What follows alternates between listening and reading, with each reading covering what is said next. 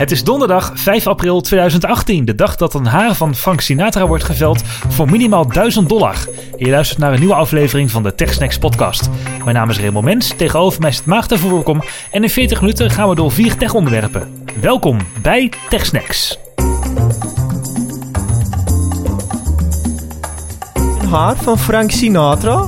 Hoe je die op gaat brengen is nog niet bekend, maar de minimale inzet is 1000 dollar. Maar even serieus, we hebben het over een hoofdhaar van Frank Sinatra. Ja, die bij toeval is gevonden in zijn uh, oude woning. Oké, nou heb ik al wel de hele week ja, een van de bekendste liedjes van Frank Sinatra in mijn hoofd. New York, New York, omdat ik er volgende week heen ga. Maar um, dat geldt terzijde. Ja, wat er gekker voor geeft, is het een typisch gevalletje van, hè? We gaan even wat follow-up doen. De sleepwet hebben wij in een special treffend in 10 minuten, zeg ik zelf. Terwijl jij het helemaal hebt ingesproken. hebben wij dat...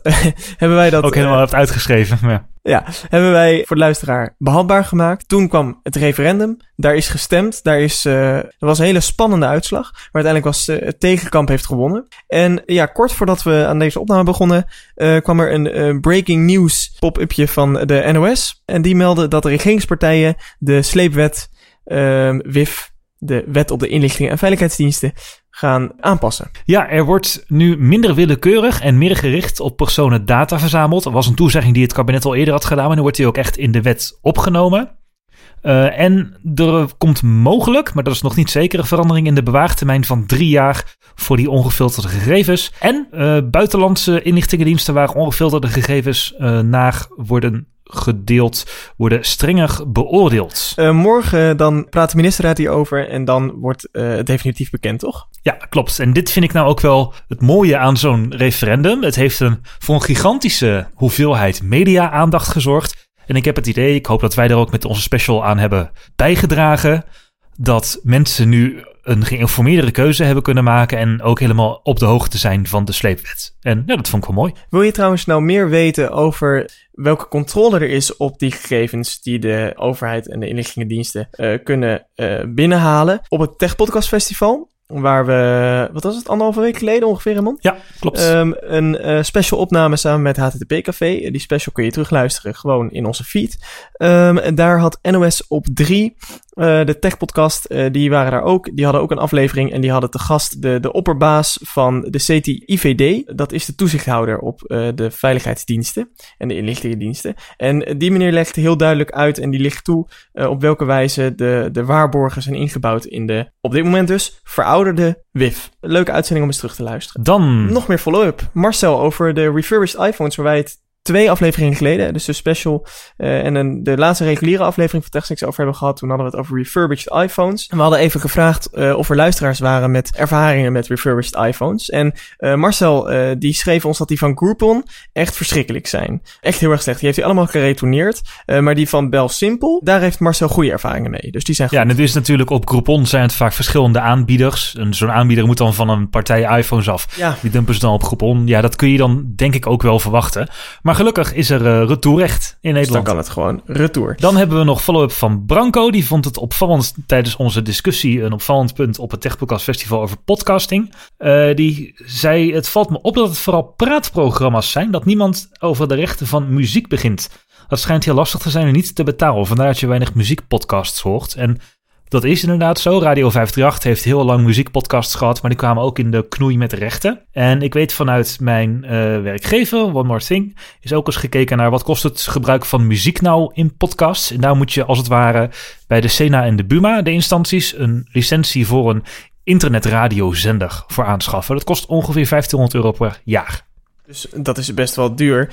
Dus dat is meer dan 100 euro per maand ben je dan kwijt om gewoon muziek te mogen draaien op het internet, zeg maar. Ja. En um, als je dan onze aflevering terugluistert uh, van het Tech Podcast Festival, dan hoor je dat we nadenken over hoe je uh, je podcast nou levensvatbaar houdt en hoe je dat nou uh, kan blijven financieren. En daar is dit natuurlijk wel uh, van afhankelijk. Hè? Wil je echt een podcast over muziek, dus stel je wil inhoudelijk op muzieknummers ingaan. Dan zul je het wel moeten laten horen, ja. Uh, dan wil, moet je ze laten horen, dan moet je zo'n licentie hebben. Dan wordt een podcast ook weer duurder en dan moet je daar weer op een of andere manier die kosten ergens uit terug gaan halen. Nou, daar hebben we het over gehad tijdens de special. Jeroen had trouwens nog een vraag gestuurd naar ons. We hebben het tijdens onze iOS 11 special gehad over AirPlay 2 en dan vroeg zich af wanneer dat nou komt. Ja, iedereen dacht met iOS 11.3, maar daar zat het toch niet in. En nu zijn er nieuwe beta-versies van iOS 11.4 uitgebracht. Daar zit het weer wel in. En ik heb het geprobeerd, maar het werkt nog erg slecht. Veel haperingen, Als je multiroom doet, is de audio nog niet synchroon tussen twee verschillende uh, Apple TV's waar ik het dan naar probeerde. Dus ja, het is nog echt bij Apple een work in progress. Daar hebben ze zich lelijk in verslikt. Want het zou inderdaad, zoals we ook in onze special hadden verkondigd, gewoon in september komen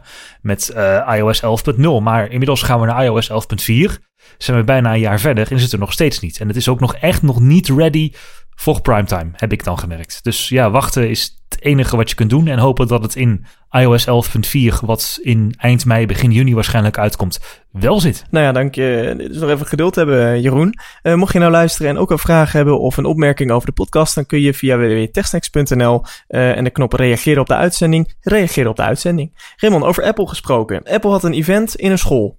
Een education event. In Chicago. Uh, in Chicago, ja. Dus, dus niet uh, bij Apple zelf, op, op de andere bekende plekken. Maar het was, het was ook niet echt een publieksevent. Hè? Het was echt gericht op onderwijs, op, op die sector. Uh, Apple wil daar echt uh, markt gaan winnen. Blijkbaar zien ze daar veel markt. In, in, zoverre dat ze daar echt een publieksevent, of tenminste niet echt een publieksevent, maar wel een groot Apple-event voor op hebben getuigd. Ja, ik vond het een beetje opmerkelijk dat ze daar de pers voor uit hebben genodigd. Je zou het best een soort van vakevenement kunnen houden. Waarbij je mensen uit het onderwijs nodig. Maar dit werd echt als een persevenement aangekondigd. En daar was het toch wel een beetje licht voor of zo. Er zat weinig in. Want heel veel van die onderwijstools die ze hebben laten zien. En wat ze hebben aangekondigd, die waren er al. Bijvoorbeeld dat je meerdere leerlingen of meerdere accounts aan kunt maken voor leerlingen op een iPad. Ja, dat is er al sinds iOS 9.3 het lieten ze wel zien alsof het als het ware nieuw is. Ja, maar goed, marketingtechnisch is het natuurlijk wel zinnig om, hè, als jij die sector wil gaan aanspreken, om daar de pers voor uit te nodigen. Ja, ja, nee, dat wel. Nu was iedereen inderdaad een week bezig met Apple en onderwijs. En dat was ook goed.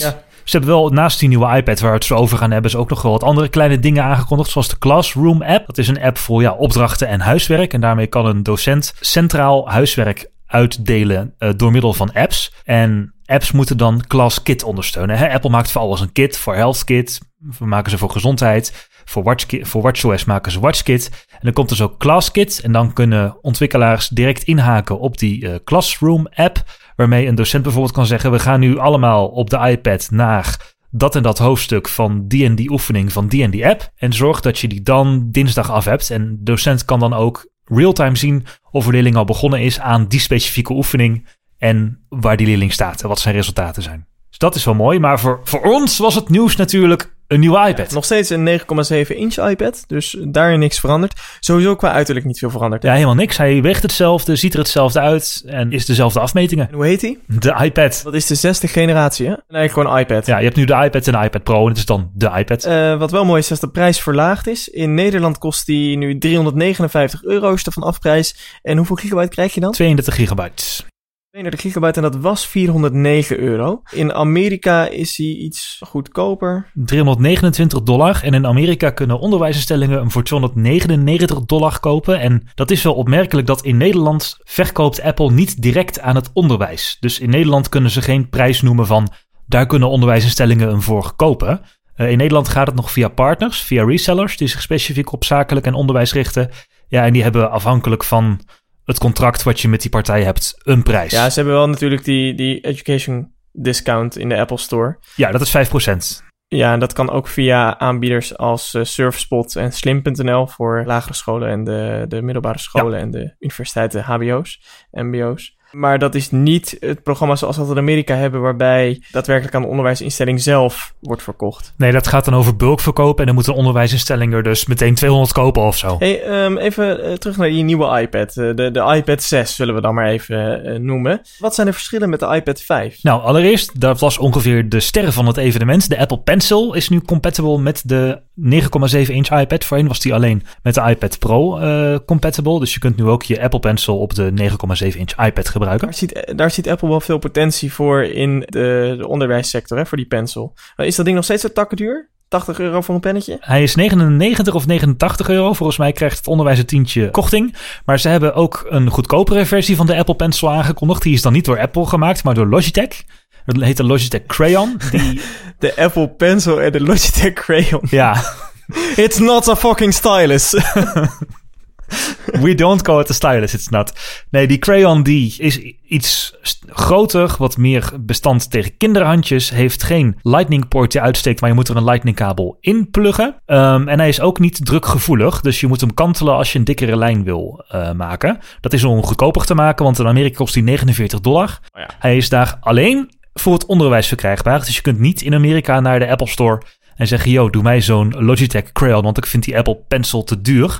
Hij komt ook naar Europa. Uh, Logitech is zijn uh, productie nog aan het opzetten. Maar ook in Europa komt hij alleen naar onderwijs. Uh, maar goed, de Apple Pencil en de Logitech Crayon die werkt dus op de iPad 6. Dat is dus de eerste 9,7 inch iPad waar de Pencil of de styluses van uh, Apple op werkt. Ja. Even kijken hoor. Uh, de chip die erin zit, dat is een Apple A10 Fusion chip, toch? Ja, dezelfde als in de iPhone 7. En het verschil tussen de iPad uh, 9,7 inch en de 10,5 inch iPad Pro is dat de iPad Pro wat meer grafische kracht heeft. Dus er zit een A10X chip in uit mijn hoofd. Ja, een A10X chip zit in de Pro en de gewone iPad heeft nu een A10 chip die je uit de iPhone 7 kent. En hij heeft nog steeds 2 gigabyte RAM. Dat is onveranderd. Uh, hij ondersteunt wel 4G, weer extra 4G banden nu. Dus als je een iPad hebt die, uh, die je veel met 4G gebruikt, dan is het nieuwe model is ook. Dat, is dat nog echt van. Zijn er, zijn er veel mensen die dat doen? Is dat nog zinnig? Ik bedoel, je kan tegenwoordig gewoon, gewoon je, je personal hotspot aanzetten. Ja, ik vraag me af inderdaad hoe vaak dat nog gedaan wordt. Um, ze zijn altijd wel wat duurder, de 4G-iPads. Maar ja, ik durf het niet te zeggen of dat nou een veel gebruikte functie is. Apple houdt hem wel in het assortiment, dus ja. Er is vraag naar. blijkbaar. En de kleuren, ook altijd leuk. Goud, een mix van goud en rosé goud, toch? Ja, ze hebben goud hebben ze opnieuw uitgevonden. En het is net als de iPhone 8, die heeft ook een nieuwe kleur goud gehad. Uh, heeft de iPad 6 nu een nieuwe kleur goud. Met, ja, die ik noemde het in onze vorige, in onze aflevering over de iPhone 8, genderneutraal goud. Nou mensen, het genderneutrale goud heeft ook de iPad bereikt. Maar, maar waarom zou je dan eigenlijk nog een iPad Pro kopen, eh, behalve omdat het scherm wat groter is? Maar... Ja, momenteel zitten ze wel erg dicht bij elkaar inderdaad. Er zijn wel verschillen hoor, maar ik denk dat over het grote geheel gezien is dit eigenlijk de iPad die je nu moet hebben als je geen enorm hoge eisen stelt en geen enorme pixelneuker bent, zal ik maar zeggen. Um, de iPad Pro 10,5 inch verschilt niet heel veel, maar bedenk je goed dat we tijdens WWDC waarschijnlijk een nieuwe iPad Pro gaan zien met uh, OLED-scherm, dunnere randen en Face ID. Dus momenteel liggen ze vrij dicht bij elkaar. Maar dat gaat waarschijnlijk wel veranderen. Nou, ik heb even op een rij gezet. Uh, behalve dan de grootte, is het scherm van de 9,7 inch iPad ook wat minder goed. Het is een LCD-paneel wat niet gelamineerd is. En dat wil zeggen dat er veel afstand zit tussen de toplaag en het scherm zelf. En dat merk je wel als je er met de Apple Pencil op aan het schrijven bent. Dan voelt het toch een beetje gek of zo. Dat je niet direct op het scherm uh, schrijft. Het glas is niet okay. behandeld tegen reflecties. En hij heeft ook geen ondersteuning voor Promotion of True Tone. Wat de kleuren van het scherm automatisch aanpast. Of de brede 10 bits uh, P3 noemt Apple dat kleurruimte. Ja, de iPad Pro heeft een iets snellere chip, vooral meer grafische kracht. En hij heeft ook een dubbele hoeveelheid RAM-geheugen, 4 gig in plaats van 2 gig. Dat merk je vooral als je gaat multitasken. Maar als jij gewoon een huistuin- en keuken casual gebruiker bent, heb je aan 2 gigabyte zeker met iOS uh, wel genoeg. En de camera is ook iets beter. Die van de iPad Pro is 12 megapixels en die van de gewone iPad 8. Ik blijf het toch bijzonder vinden hoor, dat er mensen zijn die fotograferen met een iPad Pro. Dat is alsof je een soort van televisiescherm mee zult nou ja, die... om daar dan een foto van te maken. Dat ziet er gewoon niet die uit. Die 10,5 inch is er wel te doen, maar die 12,9 inderdaad, als je daar een foto in maakt, man, ja. man, man. Ja, ja, nou ja, 8 megapixels blijven hangen dus en de iPad Pro heeft 12 megapixels. Um, hij is niet optisch gestabiliseerd, dus foto's maken met deze iPad gaat minder goed. Het kan wel, hij heeft ook geen flits. En hij filmt in 1080p en niet in 4K. En als je graag facetimet, dan moet je genoegen nemen met 720p selfie-camera in plaats van 1080p in de iPad Pro. Wat ik wel jammer vind, is dat ze de eerste generatie Touch ID hebben behouden. Die is echt al heel oud. Ja. Er is geen tweede generatie Touch ID. En er zijn ook slechts twee luidsprekers. Dus de iPad Pro. Twee luidsprekers vind ik ook heel jammer namelijk. Ja. Het is toch een entertainment device. En volgens mij is het niet zo heel erg moeilijk om uh, extra luidsprekers erin te bouwen. Ja, volgens mij is er ruimte zat in die behuizing. Maar ja, je zult je toch ergens op moeten onderscheiden. En het is inderdaad jammer, want de iPad Pro heeft echt best wel goede speakers voor een tablet. Als ik dan deze iPad hoor, ik heb hem hier naast me liggen, denk ik toch van, nou, hmm, klinkt nee. niet zo best. Nee. Uh, en waarvoor zouden ze die Touch ID sensor niet hebben, de, de, de, tweede generatie niet hebben gedaan? Goed. Uh, Goedkoper, denk ik. Ja, ik denk dat ze er hier nog uh, deze voor uh, 10 cent kunnen maken en de tweede generatie 11 cent kost. Ja. En nog even over die Apple Pencil, want die werkt heel goed omdat er een techniek is heet promotion, toch? Ja, dat wordt vaak gedacht, maar dat is nou niet echt zo. Uh, promotion is een verzamelnaam voor Apple voor een scherm dat kan schakelen tussen 20 frames per seconde, 20 hertz en, 200, of, nee, en 120 hertz. En um, of je nu promotion hebt of niet, de bewegingen van de Apple Pencil worden altijd 240 keer per seconde verzameld. Het enige verschil is dat de iPad 6 op maximaal okay. 60 frames per seconde kan tonen en de iPad Pro naar 120 frames per seconde kan schakelen. Dus op de iPad Pro zal het iets vloeiender gaan. Dus de latency van de Apple Pencil, dus de tijd die het scherm nodig heeft om te reageren op het zetten van je lijn. Dus of je lijn daadwerkelijk achter je pencil aanloopt of direct verschijnt onder de punt van de pen, die is twee keer zo hoog als in vergelijking met de iPad Pro. Ja, dat klinkt heel erg alsof je zegt van oh, twee keer zo hoog, het zal wel super traag zijn, maar in de praktijk merk je het eigenlijk niet. En bedenk je goed, de eerste iPad Pro had ook geen promotion. Uh, dat is echt pas bij de 10,5 inch Pro gekomen. Dus ik heb het getest. Ik heb hier een iPad Pro liggen en die nieuwe iPad. En in de praktijk merk je het verschil. Is het zinnig om te upgraden? Hangt er vanaf waar je vanaf komt. Ik zou zeggen, iedereen die nu een iPad Air heeft of ouder, die is toe aan een upgrade. Want de iPad Air die begint nu best wel oud te worden. een iPad 2 of een iPad 3. Daar draait geen iOS 11 meer op, hè? Dat is misschien je geluk. Nee, de Netflix doet het nog. Nou, ik zou zeggen, als je nu een iPad Air hebt en je ergert je aan de traagheid, dan uh, is het uh, goed om te upgraden naar een iPad 6. En dan kun je misschien ook uh, aftasten of een Apple Pencil iets voor je is. Uh, mensen die een iPad 5 hebben, dus de vorige generatie van deze 9,7 inch iPad, die kun je nog jaren mee doen. Hij is niet bijster veel sneller. Als je de Apple Pencil niet mist, dan had je waarschijnlijk nu, uh, anders had je wel voor een iPad Pro gegaan. iPad Air 2 is nog prima bruikbaar wat mij betreft. Ja, precies. Oké. En een Pro, daar kun je eigenlijk alleen voor gaan als je een zware gebruiker bent die veel apps in splitscreen draait. Maar voorlopig zou ik zeggen de 10,5 inch Pro, wacht maar even tot uh, juni, want dan komt waarschijnlijk de volgende generatie iPad. Maar dit is wel de iPad voor eigenlijk bijna iedereen. Dit is echt de mainstream iPad. De beste waar voor je geld. Dit is echt enorm veel waar voor je geld. Oké. Hey, het volgende onderwerp. Facebook. Er is uh, veel over gezegd, veel over geschreven, veel over geschreeuwd. Oké, ik, had ik had gehoopt hè we hebben twee, na het Tech Podcast Festival is die shit letterlijk begonnen met rollen, diezelfde dag.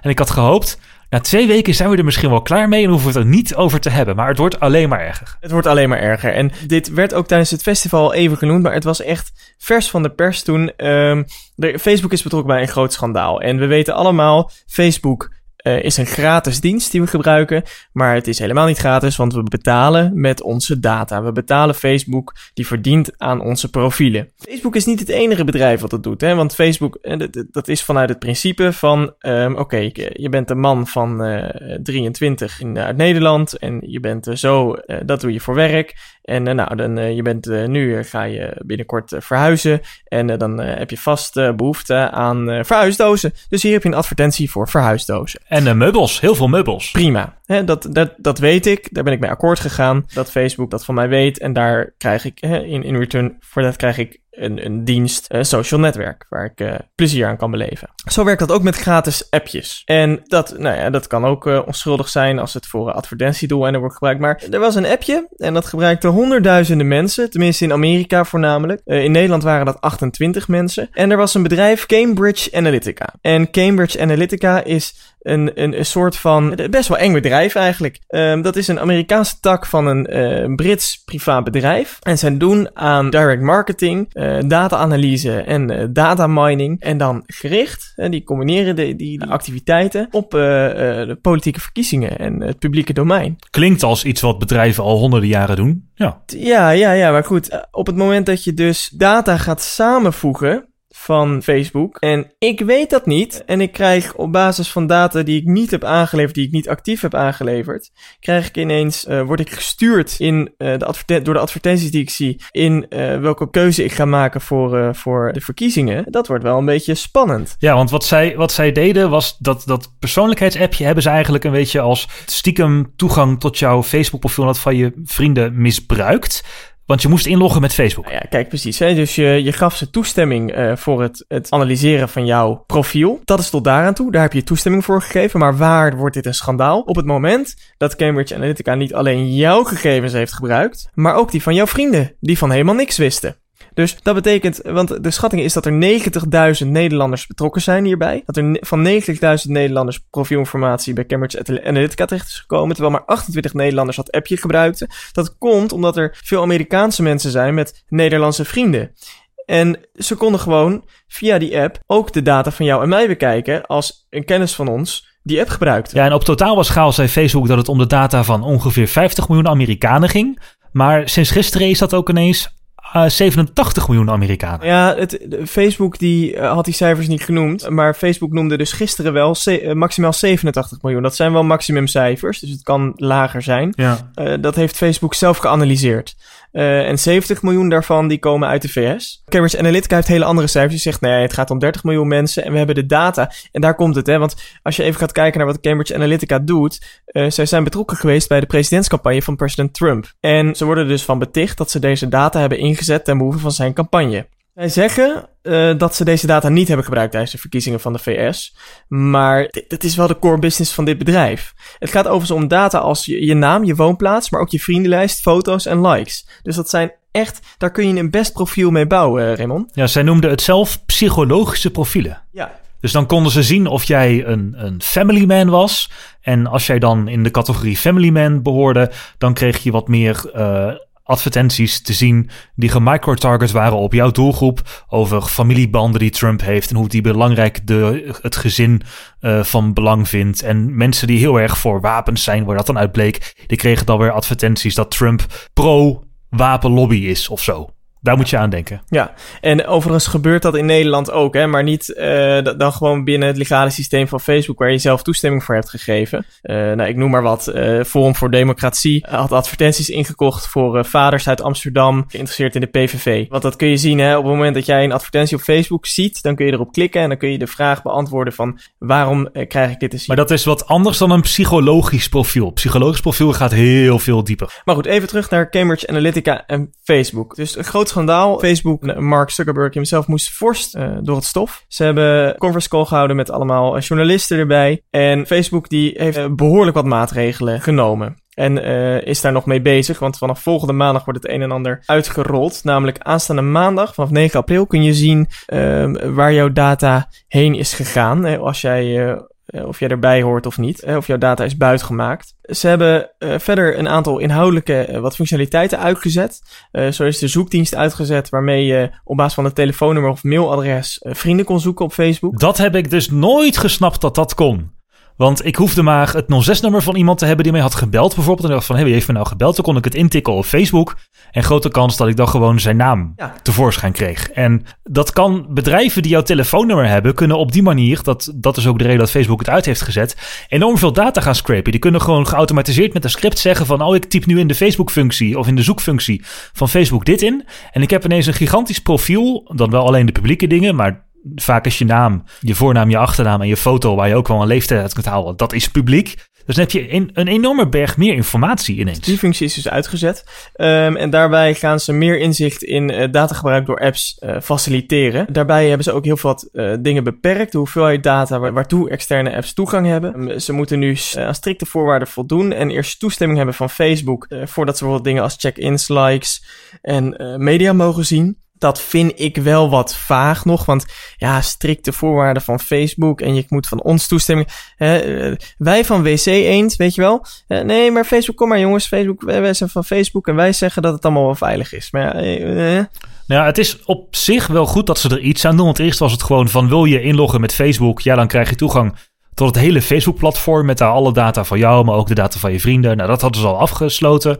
Maar nu zijn ze dus ook niet voor jouw eigen profiel aan het doen. Nou, op zich de juiste stap. Misschien om de verkeerde reden, maar wel de juiste stap. Nog een, nog een beperking trouwens die wel goed is om te weten, is dat uh, politieke kleur, religieuze status en relatiestatus door apps niet meer uh, gezien kunnen worden. Ja, daar had uh, Tinder moeite mee. Gisteren was er een berichtje dat Tinder inlogproblemen had omdat Facebook de datakraan had dichtgedraaid. En je kunt met Tinder, uh, ik gebruik het zelf niet, maar volgens mij kun je nu tegenwoordig ook een account met je e-mail aanmaken. Was het eerst alleen maar inloggen met Facebook. Volgens mij ook. En wat Instagram, Instagram heeft ook zijn uh, API dichtgegooid. Dus je kunt ook niet meer zien via de Instagram API wat iemand uh, allemaal heeft gepost, wie zijn vrienden zijn en wat diegene geliked heeft. Dus ze hebben meteen ook de policies naar Instagram uitgerold. Ja, drastische maatregelen genomen wel. Ze moeten ook wel. want er lopen veel mensen weg bij Facebook. Ja, is dat zo? Ik hoor het in mijn omgeving wel. Bij jou minder? Ja, ik heb op uh, OMT een poll gehouden van toen dat schandaal zich aan het uitrollen was. Wat de lezers nou dachten, en die zijn best privacy-minded, van ga je nu je Facebook-gebruik aanpassen? En 30% zei van nee, ik gebruik het gewoon zoals ik het altijd blijf. Nou, een andere 30% had geen Facebook. En maar 10% of 20% zei van ja, ik ben bewust nu mijn gebruik aan jij, het aanpassen. Zou jij je Facebook verwijderen? Ik heb mijn Facebook deels verwijderd, maar ik denk dat iemand het gemerkt heeft. Uh, nee, maar wat heb je opgeschoond of zo? Ja, ik heb een, uh, je hebt diverse plugins voor Chrome en daar kun je je oude post history en al je likes en al je uh, reacties mee weghalen. Oh, moet ja. je normaal handmatig doen met die activiteitenweergave. Dan moet je, ja, als je sinds 2013 op Facebook zit, eindeloos veel klikken. Maar ik heb nu voor mezelf het beleid alles van 2018 mag blijven staan. Maar ik heb nu niks meer geliked. Al mijn reacties op andere posts, op publieke posts van bijvoorbeeld nieuwsmedia of wat dan ook, die zijn ook weg. En alleen mijn eigen posts en eigen foto's van 2018, dus wat ik er zelf voor heb gekozen om op Facebook te zetten, dat blijft nu staan. Al die data uit het verleden is allemaal gewist. Okay. En dat is best een hoop werk. Ja, dat kan me voorstellen, ja. Ja, ik zit dus heel erg te twijfelen wat ik doe, want eigenlijk vind ik het ook een vrij onzinnig medium geworden en doe ik er niet heel veel mee. Aan de andere kant is het ook redelijk gewend en uh, qua evenementen en zo is het wel handig. Ja, dat was dus mijn afweging inderdaad. Mensen sturen je vaak een uitnodiging voor een feestje of zo via Facebook. Of ze maken een event aan voor Facebook en ik heb het voor mijn werk om op Facebook te posten ook nodig. Dus ik denk, nou dan de hoeveelheid data die Facebook heeft, maar inperken. En ik heb ook zo'n uh, gegevens-export gedaan. Heb jij dat ook gedaan? Dat je al je persoonlijke data kunt downloaden? Nee, dat heb ik niet gedaan. Ik heb wel ooit, toen ik stage liep in de psychiatrie, tijdens mijn HBO-verpleegkunde, heb ik uh, mijn hele account dichtgezet. Dus als het goed is kun je van mij niet heel veel vinden. Ja, nou, wat mij opviel van die datadump is dat daar al je contactpersonen van ooit in zitten. Dus ook mensen die ik oh, bewust verwijderd heb als contact, zitten daar nog gewoon. En denk, hé, hey, die naam ken ik ergens van. Nou, die heb ik, uh, daar heb ik mijn band mee verbroken uh, drie jaar geleden. maar dat komt doordat ik ooit toestemming gegeven aan Messenger om mijn contacten te synchroniseren. Domme oh, zet. oké. Okay. En ook al je Messenger-gesprekken, uh, sinds ja, het gebruik van Messenger zitten erin. Echt? Tenzij je die zelf allemaal in de Messenger-app op gaat schonen en verwijderen. Holy shit. dus dan moet je terug naar je hele Messenger-archief en al die individuele gesprekken allemaal verwijderen. Maar ik kon dus letterlijk zien wat ik tegen iemand ooit in 2014 had gezegd. Nou, dat heb ik ook allemaal verwijderd. Daar is geen plugin voor, helaas. maar dat was wel een goede eye-opener hoor. Ja, als, ik bedoel, succes voor degene die zin heeft om al mijn oude gesprekken terug te gaan lezen hoor. Ik bedoel, is met WhatsApp natuurlijk niet anders. Dat is ook wel Facebook. Ja, ik vraag me af hoeveel in Facebook Messenger dan hoeveel gevoelige informatie daarin staat. Ik gebruik het niet voor mijn dagelijkse communicatie of zo. Maar ja. ja, ik vond het toch wel confronterend. En het is op zich wel goed dat iedereen hier nu een beetje over nadenkt. Dat denk ik ook. Ik denk dat dat helemaal niet verkeerd is. En ik kan ook wel tippen dat het wel goed is om zo'n plugin voor Chrome eens te downloaden. Die ik heb heette dan de Social Book Manager. Want je mag het dan geen Facebook noemen, wel als Social Book. En daar kun je gewoon uh, jaren aan oude data en oude likes en oude check-ins kun je allemaal gewoon wegmieteren. Die ziet toch niemand meer. Uh, maar het kan voor dataverzamelaars wel interessant zijn om een profiel van je op te bouwen. Dus beter ben je daar gewoon vanaf. Ik ben trouwens wel benieuwd wat onze luisteraars gaan doen met hun Facebook profiel. Uh, dus als je luistert en je uh, wil ons even laten weten wat jij doet met je Facebook profiel. Of je het verwijdert, anders gaat gebruiken. Of dat je het gewoon gaat doorgebruiken zoals je deed. Laat even weten via technex.nl. Dan gaan we het nu hebben over de toekomst van schermen. Ja, want ehm, we doen het in ieder geval. Hebben wij heel veel uh, ledjes. We hebben nog wat LCD in huis. Uh, we hebben wat OLED in huis. Allemaal spannende afkortingen, maar uh, er komt iets nieuws. MicroLED, dat is de nieuwe belofte op het gebied van displays. En MicroLED is eigenlijk een beetje aan het licht gekomen omdat er een gerucht ging dat Apple een proeftuin op heeft gezet waar ze met 300 man aan die schermen werken. Aan, aan MicroLED. Dus ja als, Apple, ja, als Apple het doet, dan moet het wel de toekomst zijn. Dus dan al snel de conclusie. je zei het al, LCD hebben we, OLED en MicroLED. En LCD staat voor Liquid Crystal Display. Dat is een, een vloeibaar kristal. Wat uit een boel lagen bestaat. Waar licht doorga doorgaat. Er zit een backlight achter. En daar gaat ook stroom door. Er is ook een kleurenfilter. Uh, nog een paar polarisatiefilters. En zo worden van het vloeibare kristal eigenlijk individuele pixels gemaakt. Die je kunt belichten met een bepaalde kleur. Je kunt uit een kristal drie kleuren halen vaak. Afhankelijk hoe je er licht van schijnt. Nou, dat is het ook het idee van LCD-schermen zeven lagen nodig. Dus dat is wel een uh, behoorlijk uh, opzet. Nou, tegenwoordig is de hotness is OLED. Dat heeft als voordeel dat je geen lichtbron daarachter meer nodig hebt, maar dat iedere LED die daarin zit zijn eigen licht maakt. Het zijn LEDs van organisch materiaal en je hebt nog wel wat filters en wat extra materiaal nodig. Um, want omdat je stroom door dat organische materiaal schiet, ontstaat licht. In totaal heb je zes lagen nodig om tot een scherm te komen. Nou, OLED kennen we allemaal, zit in heel veel telefoons en ook steeds meer tv's. En het nieuwe is microLED. En het microLED heb je nog maar vier lagen nodig. En iedere pixel is daar eigenlijk een kleine LED. En die is niet van organisch materiaal, het is een halfgeleider. En dat maakt het eigenlijk zo goed. Uh, het is een simpel samengesteld proces. En het is niet organisch, waardoor het niet gevoelig is voor slijtage. Ja, en dan heb je maar vier lagen nodig. Wat het ook nog in theorie goedkoper maakt om te maken. Um, maar heeft het dan al het goede van OLED? Want OLED heeft bijvoorbeeld uh, als goed pluspunt dat zwart ook echt zwart is. En heel energiezuinig is. Ja, ja je moet het eigenlijk zien als een doorontwikkeling op OLED. Uh, dus OLED is een truc die we met organische materialen ophalen.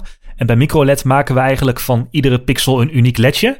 Je ziet het ook wel eens, dan is het niet echt micro-LED, maar een maxi-LED. Uh, op publieke displays. Bij bijvoorbeeld festivals worden vaak grote televisieschermen weggezet waar je het festival dan nog op kunt volgen. Of bij grote publieksevenementen staan er felle borden met waarschuwingen. En dat zijn dan een soort van individuele pixels die je bijna kunt tellen. Maar dat dan micro. En daar is micro-LED eigenlijk de micro-variant van. Uh, dus voor iedere pixel zo'n LED. Zo moet je het eigenlijk zien. Ja, ja, ja. En uh, is net als OLED heel energiezuinig, omdat die lamp, die uh, backlight heb je niet nodig. En Daarom is zwart ook echt zwart, want je hoeft niet een licht constant achter het scherm te schijnen als dat deel niet aan hoeft te staan, want ja, dan is het gewoon en zwart. wat ook nog wel, wat ik begreep, een voordeel is van dat micro-LED, omdat bij OLED dat organisch materiaal gebruikt wordt, wat dus uh, onderhevig is aan slijtage. En bij microLED niet, is, is de verkleuring. Want een scherm is altijd opgebouwd uit uh, rood, groen en Klopt, blauw. Ja. Uh, dat zijn de subpixels. RGB, ja. RGB, inderdaad. En het is helaas niet zo dat al die verschillende subpixels, die kleuren, op dezelfde snelheid slijten. Vooral want de blauwe subpixels, die degraderen snel. dus dan krijg je nou ja, wat verkleuring op het scherm. Bij microLED is dat niet het geval. Uh, want dat is dus niet organisch. Dus dat is daardoor niet aan slijtage onderhevig. En daarbij is ook een voordeel dat het niet gevoelig is voor het inbranden. Ja, dat is een OLED inderdaad wel een dingetje. Je hebt sinds de iPhone over is naar OLED... moet Apple ook allerlei trucjes uithalen. Zoals de klok een pixel verplaatsen... en dan de volgende dag weer een pixel terug verplaatsen. Omdat ja, dat organische materiaal... de naam zegt al organisch... is gevoelig voor inbranden en slijtage. En als iedere pixel, letterlijk iedere pixel... gewoon een ledje is... ja, dan heb je dat probleem niet. Een niet-organisch ledje is, dan heb je dat probleem niet. Maar het, het, productieproces is vrij simpel, maar het is wel um, alsnog moeilijk om te maken, toch? Ja, klopt. We hadden het net al over die lagen. Uh, dus je hebt in plaats van zeven lagen of zes lagen voor LCD en OLED, voor microLED nog maar vier lagen nodig. Want je hebt eigenlijk alleen een grote wafer, een plaat nodig, waar je die ledjes op kunt leggen. En die aan ieder ledje stroom geeft. En ieder ledje kan dan rood RGB uh, tonen, dus die drie kleuren tonen. Maar als je het over een, dan moet je wel even goed bedenken. Als je het over een 4K-scherm hebt, en dat is tegenwoordig al wel de start voor grote monitoren, dan moet je 8 miljoen van die kleine ledjes, die allemaal een pixel vormen, die je eigenlijk met het blote oog niet meer kunt zien vanaf de normale afstand, moet je allemaal precies recht langs elkaar, zonder defecten, op een plaat leggen. Oh, als je dan een dode pixel dus, hebt. Ja, dan is heel je plaat naar de kloten. Dat is best wel, uh, best wel vervelend. En daarom is het ook te verwachten dat we microLED waarschijnlijk eerst gaan zien in kleinere schermpjes. Waar je, nog eens, waar je minder pixels naast elkaar hoeft te leggen. En waar je je productieproces een beetje op kunt tweaken. Zoals bijvoorbeeld de Apple Watch of andere wearables. Uh, daar wordt het dan als eerste op verwacht. En dat is ook wel logisch, omdat fabrikanten moeten investeren in nieuwe productieprocessen. Ze moeten nieuwe robots aanschaffen die dat heel nauwkeurig kunnen werken. En ja, daar gaat gewoon even tijd over. En dus verwacht ook niet volgend jaar een iPhone met een microLED-scherm. Misschien in 2000... Misschien wel een Apple Watch. Ja, in 2019 of 2020 dan misschien een Apple Watch met een microLED-scherm. Je zag ook dat de Apple Watch het eerste apparaat was waar Apple de overstap durfde te maken naar een OLED-scherm. En dat had ook zijn redenen, omdat ze klein willen beginnen. Um, en tijdens CES deed Samsung eigenlijk iets wat niemand verwachtte. Want die plakte gewoon een 146-inch microLED-scherm tegen de muur. Ja, maar dat was niet helemaal eerlijk, hè? Want het bestond uit kleinere panelen zonder rand. Ja, dat was inderdaad de wall, zei Samsung, noemde Samsung het. En dat was inderdaad eh, kleine schermpanelen van eh, vierkante schermpanelen die tegen elkaar geplakt zaten. En als er dan zo'n paneel per ongeluk een uh, fout LED had of een productiefout, of het was stuk gegaan, dan konden ze snel een deel van dat paneel vervangen. Dus verwacht voorlopig ook nog geen microLED tv's. Want ondanks dat je die panelen dus, omdat het gewoon panelen zijn met ledjes, heel dicht tegen elkaar aan kunt leggen, is het niet echt 100% naadloos. En zo'n enorm scherm op CES waar je dan van een afstandje naar kijkt, is het wel prima. Maar gewoon in je huiskamer moet je niet verwachten dat je binnenkort een 80 inch microLED tv kunt kopen. Want dat zijn echt miljarden pixels dan. Dus dat gaat hem nog niet worden. En, en daar kan dan snel iets fout gaan. Over fout gaan gesproken, Raymond. We gaan het hebben over Apple Pay en uh, Bunk. Oh, vandaag is Apple Pay in Brazilië gelanceerd. Heb je het gehoord? Ja, in Brazilië, maar in nog veel meer. Hè? Leuk hè? Hebben we geen, klep, uh, geen klap aan? Nee, precies. Ja. Uh, jij moet niet zeuren, want jij kan het gebruiken. Klopt, dat blijft iedere cashier blijft het nog verbazen. Oh, kan dat tegenwoordig ook met een iPhone? Nou, dan heb ik geen zin om uit te leggen hoe dat nou eigenlijk kan. Maar ja, nu ontkomen we er niet aan, want we zitten in de podcast. Ja, vertel. Want um, misschien hebben mensen ongetwijfeld hierover Ja, weet je nog dat ik vorig jaar november zei dat er een Nederlandse bank genaamd Bunk is die bezig is met de ontwikkeling van uh, de implementatie van Apple Pay? Uh, ja, ik weet ook nog dat je zei dat uh, ING het ging. Ja, nou, die is ongetwijfeld ook met de implementatie bezig. Alleen van Bunk hebben we het al even gezien. Ja, dat klopt. Nee, wat is er gebeurd? Bunk is een Nederlandse internetbank, werkt met een hele gelikte app, is een vrij dure bank, kost 8 euro per maand voor de Bunk Premium. En anders betaal je per transactie. En uh, dat heeft een Nederlandse CEO. En dat is even belangrijk voor dit verhaal. Want ze deden een bunk-update met een soort van hip, semi-grappig showtje. Uh, waarin ze een nieuwe app presenteerden. Ja, eigenlijk had Bunk voor iedere update die ze doen een soort van eigen klein, klein event waar iedereen mag klappen. En Waar ik ook altijd voor uitgenodigd word naar zoiets van... nee, ik ga niet als klaprobot daar in de zaal zitten, ja, ga weg. Dus, um, nou goed, de Nederlandse CEO die zei helemaal aan het einde van het uh, verhaal... dat ze nog een leuke feature hadden voor Spanje en Italië. Ja, want daar waren ze naar uitgebreid. Ja, ja daar ging Bunk heen. En dat was Apple Pay. En toen wilde hij dat gaan demonstreren. Wat gebeurde er Ja, toen zei hij, ja, in Nederland is het natuurlijk niet beschikbaar. Dus ik kan het eigenlijk niet demonstreren, want het is echt alleen voor Spanje en Italië. Maar, omdat ik het aan jullie wil demonstreren, zal ik mijn iPhone even op regio Spanje en Italië zetten. En dan kun je zien hoe het proces van het aanvragen en het gebruiken van Apple Pay gaat. En op het moment dat hij dat deed, dachten Nederlanders... Dat kunnen wij ook. Ja, en uh, in het begin dan kun je nog denken... ja, was het nou met opzet of was het een foutje? Het was met opzet. Want uh, ja, wij waren elkaar aan het app op dat moment. Ik was niet thuis en ik was onderweg... en ik was een beetje aan het kijken op de website van Bunk... en de app van Bunk. Uh, ik had nog geen rekening. Dus ik was dat, dat appje gaan downloaden gaan kijken. En daar stond ook als unique selling point... op de Nederlandse website gewoon Apple Pay. En ja. je kon het ook gewoon activeren. En ze hadden zelfs een instructiepagina gemaakt hoe je een supportpagina hoe je je regio van je iPhone moet, uh, moet instellen of Spanje of Italië. En dat werkt goed. Uh, ja, dus ik rekening aangevraagd en dingetjes geregeld. Maar dat had ik de middag daarna gedaan. Want ik had er geen tijd voor die avond. En toen wilde ik vervolgens Apple Pay gaan activeren. En op dat moment, wat ik zag nog gewoon de knop en zo. En toen crashte dat ding ineens. En toen bleek dat de keutel weer was ingetrokken. Ja, inderdaad. De bank was iets te enthousiast geweest met het al dan niet uitrollen van Apple Pay in Nederland. Officieel natuurlijk niet, maar ja, iedereen kan zijn regio veranderen. Wat ook het grappige was, je hoefde alleen maar de regio van je iPhone te veranderen. Dan was de taal, alle schermen van Apple Pay waren al in het Nederlands. Ook in de bank-app. En ook in iOS zelf zijn alle instructies al in het Nederlands. En zodra Apple Pay geactiveerd was, kon je je regio gewoon weer terugzetten van Spanje of Italië naar Nederland. En het bleef het gewoon werken. Ja, nou ja, helaas is de volgende dag niet meer. Dus ze zullen wel door Apple op de vingers zijn getikt. Want ook de referenties op de website waren allemaal weggehaald. Ja, die waren opeens verdwenen. Nou, wat wel grappig is, we zaten die video van dat evenement... zaten we even te kijken voor, de, voor deze uitzending om uh, op voor te bereiden. Want we dachten, we regelen even een fragmentje over dat, dat demonstreren. Maar dat is dus ook gewoon uh, uh, verknipt. Dat hebben ze gewoon uit... want het was wel op de livestream te zien... maar op de versie die ze van het event hebben geüpload, de video... daar zit het niet meer in, hè? Nee, nee je ziet... oh ja, we hebben nog one feature... Uh, Apple Pay, einde video.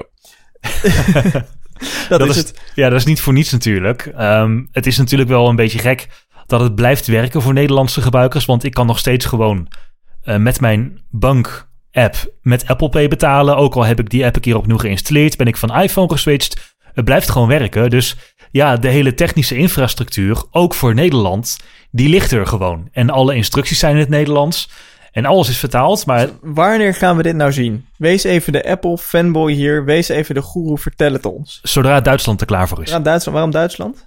Ja, Nederland, Duitsland en België zijn de enige drie West-Europese landen. Want Frankrijk heeft het, Spanje heeft het, Italië heeft het. De enige Europese, of een van de weinige Europese landen die het nog niet hebben.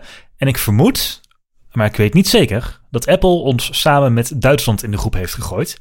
En ik vermoed dat de implementatie in Duitsland niet zo soepel loopt. Want ik heb ook voordat dit gedoe bij Bunk begon, van zowel mensen bij Bunk als bij ING gehoord dat de implementatie lekker ging en dat ze op schema lagen en dat ze eigenlijk al semi-klaar waren. Dus ik denk dat het echt bij Apple ligt. Apple moet zijn, zijn vinkje zetten van het mag nu live. En ik denk dat zowel ING als Bunk het dan, ja, van Bunk weten we het al, binnen no time live hebben gezet. Maar ja, die toestemming vanuit Apple komt er blijkbaar maar niet. En ik vermoed dat het komt omdat wij als klein land aan Duitsland zijn gekoppeld en dat Duitsland de boel vertraagt. Hey, en hoe, hoe vind jij dat? Wat jij gebruikt het nu dus in Nederland. Ja. Hoe vind je het? Eh, Zijn we, zitten we inderdaad terecht eh, met veel eh, enthousiasme te wachten of is het een beetje mer? Het is heel fijn. Vooral als je een Apple Watch hebt, dan heb, hoef je eigenlijk niks meer uit je broekzak te halen of van een pinpas of wat dan ook. Je tikt twee keer op de knop aan de zijkant en je kunt betalen. Dat is heel relaxed. Wat het voor mij minder relaxed maakt, is dat het mijn bankrekening is waar niet mijn salaris op komt. Dus ik moet steeds dingen naar die bankrekening storten om Apple Pay te kunnen gebruiken. En een collega van mij heeft een Android-telefoon. En blijkbaar kun je met de ING-app voor Android ook contactloos betalen. Ja, dat klopt. Dus ik stond daar heel stoer te zijn. Met, kijk, mij is met mijn telefoon contactloos betaald. Toen zei oh, kan ik al jaren met mijn ING-app op Android. Toen dacht ik, oh, misschien ben ik toch niet zo cool met Apple Pay. Maar ja, het gemak, zeker met de Apple Watch. De iPhone is ook niet slecht hoor, maar zeker met de Apple Watch is het echt wel ideaal. Um, en tot nu toe in Nederland leidt het altijd tot vragen van cashiers. Net als toen ik de AirPods als een van de eerste mensen had. Van, hey, is dat nou de AirPods? Ja, hey, doe je dat nou? Kan dat nou met Apple Pay? Ja, nou, onofficieel. Ah, oké, oké, oké. Zijn dat nou de AirPods of heb je gewoon per ongeluk twee opzettandenborstels hier? Get over it, man. Get over it. Je weet het niet.